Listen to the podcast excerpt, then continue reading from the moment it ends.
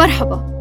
حديثنا اليوم عن شخصية بتعاني من اضطراب بخلي صاحبها يشعر بمشاعر غير مستقرة. ناهيكم عن الصورة المشوهة لذاته. ما رح نحكي تفاصيل أكثر لأنه رح يخبرنا عنها الشخصية الدكتور إسماعيل الشيخ الأخصائي والمعالج النفسي. دكتور إسماعيل لو تخبرنا تفاصيل أكثر عن الشخصية الهستيرية وشو أبرز السلوكيات يلي بتظهر على هاي الشخصية. يعني في آه، موضوع الشخصية الهستيرية بداية آه، يشعر الإنسان آه، بأهمية ذاته ويكون الشعور مبالغ فيه وأنه يكون الإنسان محط إعجاب لتحقيق إنجازات ومواهب.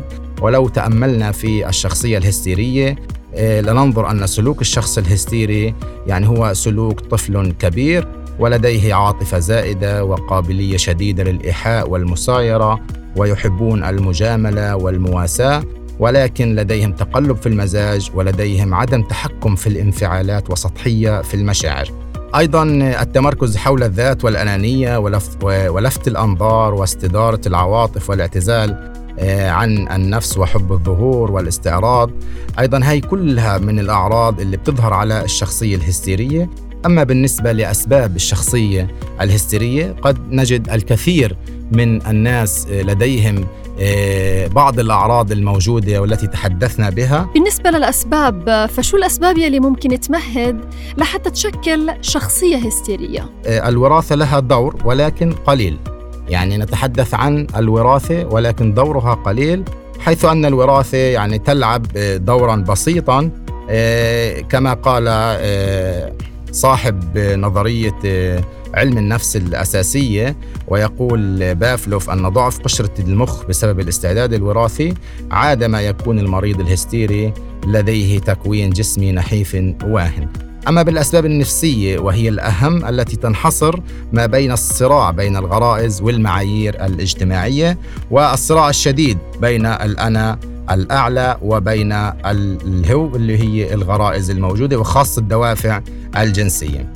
آه، طبعا كون أحد الوالدين شخصية يعني هراعيه يأخذ الطفل عن أحد الوالدين بعض الأنماط أو سمات الشخصية التي يكون فيها نوع من الهستيريا أيضا من الأسباب المعجلة أو المباشرة الفشل في قصة غرامية أو صدمة عنيفة أو التعرض لحادث أو جرح أو حرق بليغ بمعنى التعرض لبعض الصدمات الموجودة. دكتور ممكن تعرفنا أكثر على الأعراض كمان؟ طبعا الأعراض تتراوح بأعراض الهستيريا ما بين أعراض حسية وعقلية وأعراض عامة آه، أيضا قد يكون المريض الهستيري لديه آه، بعض آه، الصمم الهستيري أو فقدان حاسة الشم أو فقدان حاسة التذوق أو فقدان الحساسيه الجلدية في عضو أو عدة أعضاء من الجسم وبعض الأشخاص يعني يفقدوا أكثر من حاسية موجودة داخل أجسادهم عند التعرض للاضطراب الهستيري بشكل عام.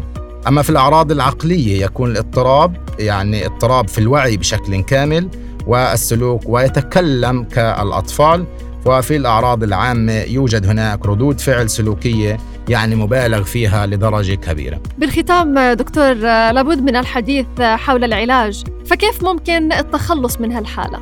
آه، صراحة يعني آه، مشاكل آه، الهستيريا أو الشخصية الهستيرية تحتاج لبعض من التدعيم والعلاجات النفسية. طبعا هناك يعني بعض العلاجات تتعلق بالأدوية زي مثبطات الاكتئاب ومثبطات القلق بشكل عام. ويستخدم أيضا اللي هو التنويم الإيحائي من الناحية النفسية لإزالة الأعراض والإيحاء وكمان يعني عندنا التحليل النفسي آه، للكشف عن العوامل والأعراض والدوافع اللي بتخلي الإنسان يصل للشخصية الهستيرية أو تصل عليه بعض الأعراض الهستيرية. في الإرشاد النفسي أيضا للوالدين أو المرافقين أو الزوجة. أيضا آه، يعني ينصح بعدم تركيز العناية والاهتمام بالمريض أثناء النوبات الهستيرية. فقط لأن ذلك يثبت النوبات لدى المريض لاعتقاده أنها هي التي تجذب الانتباه بشكل عام. طبعا إضافة إلى ذلك العلاج الاجتماعي من مشاركة اجتماعية وتقليل الضغوط آه، الموجودة في المجتمع بشكل عام.